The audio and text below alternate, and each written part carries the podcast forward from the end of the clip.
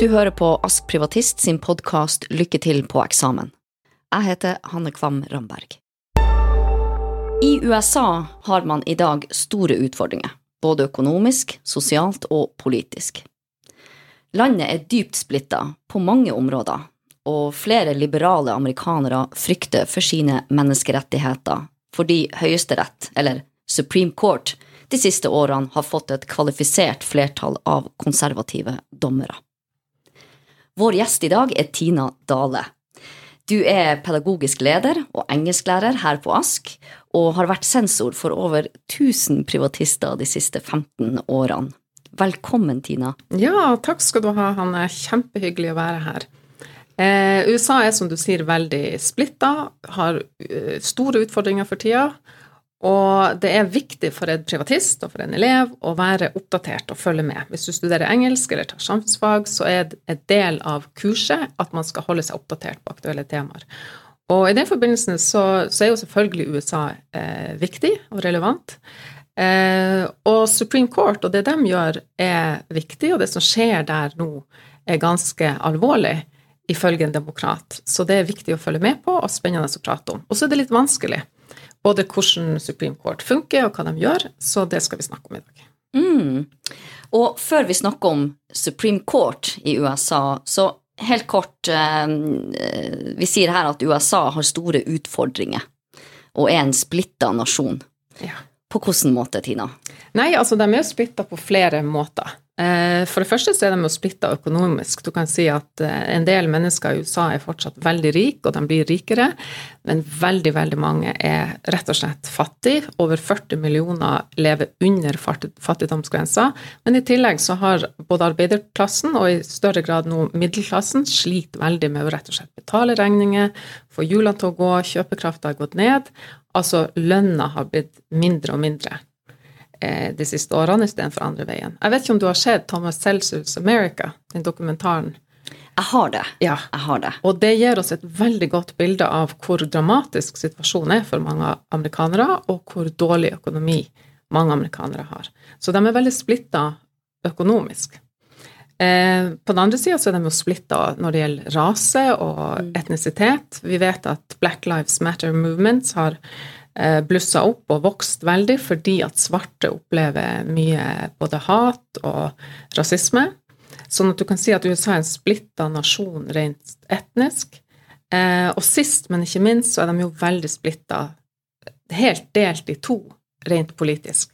Det vil si de er delt 50-50 med demokrater og republikanere. Men den splittelsen nå er så sterk og så alvorlig pga. tre ting. Det ene er at kjerna i de to politiske partiene har flytta fra hverandre. Altså de har glidd fra hverandre. De har alle en forståelse om at vi må fikse på ting i landet vårt, men de er veldig uenige hvordan det skal gjøres. Sånn at det de står for politisk, har de glidd fra hverandre, og avstanden er større enn noen gang. Det er det ene. Det andre med den politiske splittelsen er at retorikken er blitt skarpere, og hatet er blitt sterkere. Du ser det. altså Familiemedlemmer klarer ikke å snakke med hverandre, kollegaer har problemer. Det er utrolig vanskelig for en demokrat å, respektere en republikaner og motsatt, fordi at de står så steilt mot hverandre. Og det siste som bidrar til den politiske splittelsen, er retorikken som har blitt så hatefull de siste årene. Mm, og retorikken, så mener vi Ja, da mener vi språket som brukes av politikere eh, frem. Og det gjelder egentlig begge veier, men det er klart at Trump, som nå har sittet som president i fire år, har bidratt veldig til denne splittelsen. Både fordi at han er splittende i måten han prater på, og så har han en del holdninger som provoserer veldig, og som gjør at republikanerne og eh, demokratene står skarpere mot hverandre enn noen gang. Og dette kulminerte jo på en måte, toppa seg da Trump nekta å godta valgresultatet når han tapte mot Biden, og egentlig oppfordra sine eh, støttespillere og velgere til å ja, storme Kongressen.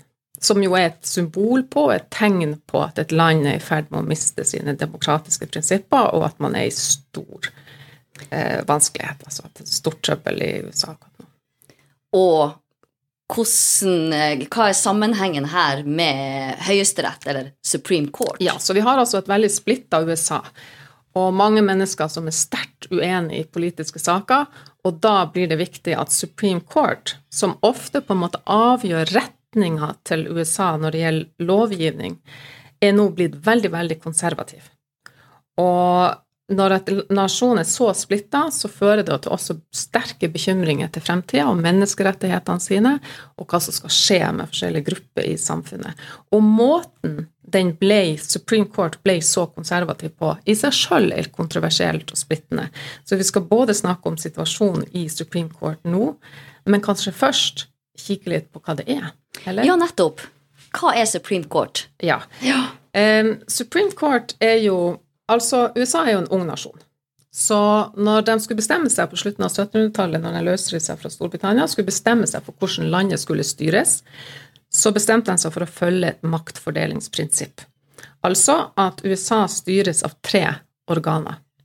Det er altså presidenten, som er utøvende makt, og så er det Kongressen, som er lovgivende makt, det som vi i Norge tenker på som Stortinget, og så har du eh, Supreme Court, dømmende makt, eller Høyesterett. Og disse tre skal passe på hverandre og følge hverandre opp og sørge for at ikke ett organ eller én person eller én gruppe blir for sterk. Så Supreme Court er faktisk en tredjedel av statsmakta i USA. Eh, og hvem er det hvem er det som sitter? Ja. Hvem er Supreme Court? Ja, hvem er det? Det er ni dommere som sitter i Supreme Court. Og det som er spesielt, er at de er ikke folkevalgt. De er valgt eller innsatt av presidenten. Eller presidenter i flertall. Fordi at når du først får jobben som Supreme Court Justice, så kan du sitte livet ut. Eller enten til du dør, eller til du pensjonerer deg. Det er ganske spesielt. Ja, hvorfor, hvorfor livet ut? Jo, det jeg tror at The Founding Fathers som skrev Grunnloven, og som har bestemt dette, ønska, var kontinuitet. Altså, presidentene blir valgt hvert fjerde år. Og en stor del av politikerne i Kongressen blir valgt annethvert år. Og noen blir valgt hvert åttende år, riktignok. Men det, det, gir rom for ganske brå eh, utskiftninger hvis du får en populær bølge eller noe sånt. Så, så man ønska egentlig at Supreme Court skulle representere stabilitet. Sånn at når en dommer har fått jobben der, så kan han sitte i 30-40 år. Og dermed så har du jo dommere i dag i Supreme Court som representerer presidenter langt bak i tid, og som da skaper på en måte en sånn slags historisk kontinuitet i USA. Mm. Og da må vi også komme inn på rollen til ja. de dommerne her, eller til Høyesterett. Ja. Jobben til disse dommerne, eller rollen til Supreme Court, er først og fremst å beskytte Grunnloven. Og gjerne også tolke og forstå den. Altså Grunnloven beskrevet for fire millioner mennesker på slutten av 1700-tallet, og skal jo fungere for et USA i dag med godt over 300 millioner mennesker. Og da kommer man ofte i situasjoner der Grunnloven må tolkes og forstås, og følges. Så det er jo den viktigste rollen til Supreme Court, er å tolke og beskytte Grunnloven. Eh, Supreme Court skal også følge med at det presidenten gjør, ikke er grunnlovsstridig, eller at Kongressen også holder seg innenfor rammen av det Grunnloven sier at de skal gjøre. Så Supreme Court følger med. Og den tredje og siste, kanskje viktigste oppgaven deres er jo at de fungerer som høyesterett. Altså saker som kommer opp rundt omkring i statene, kan ankes, og hvis de er viktige, hvis de har med menneskerettigheter eller er allment viktig, så kan de ankes helt opp til Høyesterett.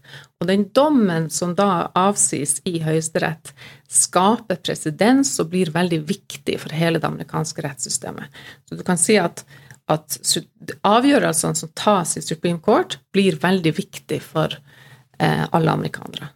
Mm. Mm. Og du sier da også eh, at eh, amerikanere er bekymra, eller flere amerikanere nå er bekymra for sine rett og slett menneskerettigheter fordi Supreme Court har blitt konservativ. Ja. Um, når, se, når, Obama var president, Obama satt jo før Trump ble valgt, så var Supreme Court ganske balansert. Altså, det var fire dommere som var innsatt av eh, demokratiske presidenter, såkalte liberale dommere. Og så var det fem dommere som var innsatt av, av republikanere, altså konservative dommere. Men så hadde vi en eh, midtstemme der, Kennedy, som ble satt inn av Ronald Reagan, som ofte ble sett på som vippestemmen, som kunne stemme i favør med de liberale, men også med de konservative. Sånn at det var en ganske så nøytral eh, Supreme Court lenge. Eh, og man på en måte, ikke det at man visste hvor man hadde det, men det var en nøytral Supreme Court som stemte begge veier. Og det som har skjedd i USA over tid, da, er jo at kvinner har fått eh, mye sterkere eh, rettigheter. Eh, abort f.eks. ble lovbestemt veldig tydelig i 1973, at kvinner skal sjøl bestemme eh, over eh, sin kropp og muligheten til å ta abort. Eh, vi ser også at homofile har fått flere og flere rettigheter. Dette var jo veldig stort i 2015, da Supreme Court bestemte seg at Grunnloven beskytter homofile som ønsker å gifte seg, sånn at du fikk eh, like kjønnsekteskap som eh, ble lovlig i 2015. Så amerikanere har jo fått mer og mer rettigheter og blitt mer og mer liberal, og en del minoriteter eller tidligere svakere grupper har fått sterke rettigheter og blitt beskytta av Grunnloven. Men nå ja. så frykter man for at dette kan endre seg, og at man kan bli kasta flere tiår tilbake fordi at Supreme Court har fått det vi kaller for en supermajoritet. Ja, og forklar det. Hva det, hva er det som har skjedd egentlig der? Ja, eh, Det som har skjedd, er at da Obama gikk av og Trump ble president, så har Trump faktisk, og dette er ganske spesielt, men han har fått satt inn tre høyesterettsdommere. Altså mens Trump har vært i styringa i bare én termin, fire år, så har han fått satt inn tre dommere. Fordi at de enten døde eller har gått av med pensjon. Og dette er veldig uvanlig. Dette har ikke skjedd siden Nixon, egentlig, at man har fått satt inn tre eh, dommere på én termin, bare. Vanlig er jo Obama. Han på åtte år var president, fikk satt inn to. George Bush junior fikk satt inn to, Clinton for det satt inn to dommere. Så det at Trump fikk satt inn tre veldig konservative dommere, er ganske kritisk for demokratene.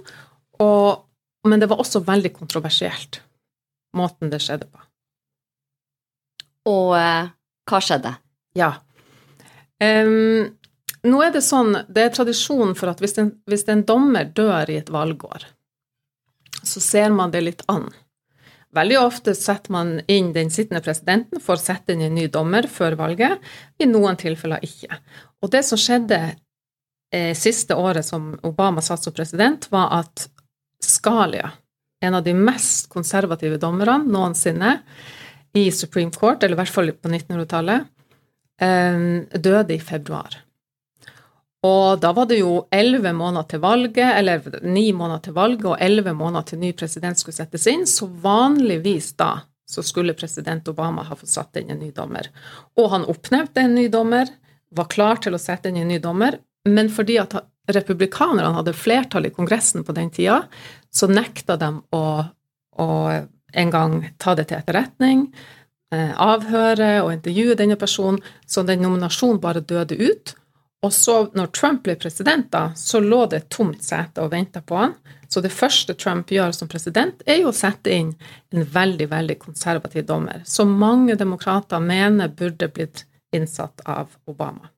Så der mister man Veldig spesiell situasjon. Det er en veldig, veldig spesiell eh, situasjon, men republikanerne hevder jo da at når man dør bare ni måneder før valget, så skal man vente. Og så, men da nå, Hanne, må du høre. Så er det én dommer som går av med pensjon. Denne vippestemmen, faktisk, som Trump setter inn nok en veldig konservativ dommer. Og så, til stor fortvilelse for alle demokrater i USA, så når det bare er to måneder igjen til valget, i september, så dør Ruth Bader Ginsburg en, et ikon i amerikansk mm. politikk. En mm. fantastisk høyesterettsdommer som har kjempa for likestilling og kvinners rettigheter. Hun ble satt inn av Bill Clinton og var jo ei veldig gammel dame på 87 år. Men hun døde altså rett før valget. Men da går republikanerne mot sin presedens. Det de hadde sagt noen få år tidligere om at nei da, kan ikke sette inn det var gått mindre enn fem uker, og så hadde man satt inn en veldig, veldig konservativ kvinnelig dommer. Eh, den er Amy Coney Barrett, veldig konservativ, og hun ble da satt inn under én måned før valget. Og det er klart at her går republikanerne mot seg sjøl, mot det de sjøl har sagt, og sin intensjon om at på en måte man skal la det stå åpent til den nye kandidaten, nye presidenten, som blir valgt. Og dette er splittende. Dette har vært en utrolig sår prosess eh, for demokrater og for amerikanere generelt. Veldig mange, også republikanere, mente at det man burde gjøre her, var å vente. Men i alle fall, resultatet er da at Trump på fire år fikk satt inn tre veldig konservative dommere. Mm. Og så bare litt tilbake, du sa litt om det i stad, men litt tilbake til dette med De skal jo være nøytrale. Ja. Dommerne skal jo være nøytrale. Ja. og det handler jo om hvordan man tolker det som skjer rundt seg. Ja. Så nå har, vi, nå har vi fått vite litt mer om hvem det er. Ja. Og ok, hvordan, hvordan, er dette nå i, kan man si, i praksis? ja, altså det er helt riktig. Det skal ikke ha så mye å si hvordan president som setter inn en dommer, fordi at dommeren sin rolle er å beskytte Grunnloven, og de skal være nøytrale. Sånn at de, de, skal ikke handle politisk, sånn sett. Men så er det nå engang sånn at, at uh, enhver uh, lov må jo tolkes, Hanne. Det er ikke noe mystisk i det. Det er fordi at eh, av og til så har man ordlagt seg slik at man ikke helt vet eh, hva som blir ment, og det, og det er rom for tolkning. Eksempel, Grunnloven sier jo at ingen mennesker skal være utsatt for cruel and unusual punishment. Mm. Og da må jo eh, dommerne tolke hva er cruel and unusual punishment. Og det er i sånne saker at de konservative dommerne har en tendens de, de, er det vi kaller for originalister. De har en tendens til å dømme ut ifra og tolke ut ifra det som helt sånn litterært ble sagt, altså de ordene som ble skrevet, og den intensjonen man hadde den gangen. Man, man prøver å tolke ut ifra det. Mens de mer liberale dommerne som har blitt satt inn av demokratiske presidenter, ser på Grunnloven som en sånn levende grunnlov, og har en tendens da til å prøve å tolke lover um, ut ifra at menneskesyn har endra seg, samfunnet har endra seg, verdier og holdninger har endra seg. Så man må på en måte ta intensjon med seg, men prøve å forestille seg for hva det kan bety i dag. Så du har to innfallsvinkler, to forskjellige måter å tolke på. Sånn at eh, det er klart at det har noe å si da hvis du har en majoritet av konservative dommere som som, som tolker veldig bokstavelig det som ble skrevet den gangen. Mm. Og det siste elementet er jo at de er nå bare mennesker. De har jo mening om ting. Og noen ganger når det gjelder betente saker som abort eller dødsstraff, så, så har de jo meninger. Og de er konservative. Og det er jo det som nå skremmer en del amerikanere. Ja, for det vi sa innledningsvis, at det er mange amerikanere som på en måte frykter for uh, menneskerettighetene sine, eller menneskerettigheter. Så hvordan uh, hva, hva, er man redd for skal skje framover? Eh, ja, det er noen saker, betente saker, som alltid har vært eh, viktige for amerikanere, som man er spent på hva som vil skje. Eh, det har med våpenlovgivning, f.eks. Eh, der de liberale dommerne har hatt en tendens til å støtte at man har noen restriksjoner, mens de konservative ønsker at alle skal få bære våpen, f.eks. Så våpenlovgivning er spennende. Eh, man følger veldig på hva som skjer med abort nå. Kvinner er veldig redd for å miste sine rettigheter når det gjelder abort, også sine rettigheter til å få informasjon, finne informasjon. Så kvinner er bekymra for for abort, av rettigheter til selvbestemt abort. Barn av immigranter er litt redd for at de kanskje kan bli kasta ut, selv om de alltid har bodd og vokst opp i USA. Obama beskytta disse deka og, og uh, immigranter um, mot å bli sendt ut, mens flere mer konservative dommere kanskje vil støtte noen sånne utkastingssaker, som vil være ganske alvorlige for dem.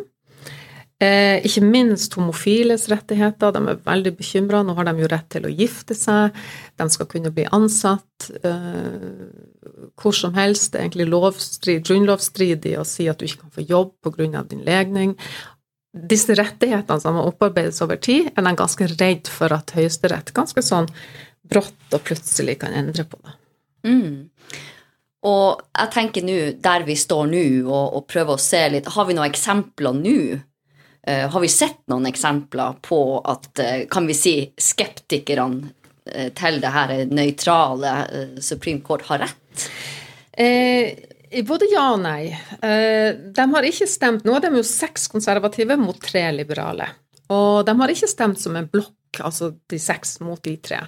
For eksempel så overlevde jo Obamacare nettopp en tredje høring i Supreme Court, der de gikk syv mot to til at eh, man ikke kunne saksøke eller ikke kunne si noe på Obamacare. Så det, Obamacare har overlevd med denne nye eh, sammensetninga i Supreme Court.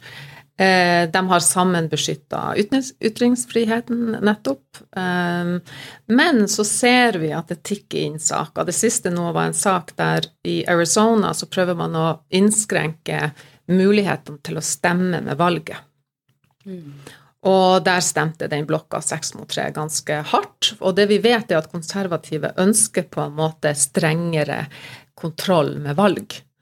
Og der, hvis noen var i tvil, så har domstolen slått ned. Og det, mange demokrater sier jo at dette gjør det vanskeligere for svarte og minoriteter som er i flertall i disse distriktene, å få stemt med neste valg, f.eks.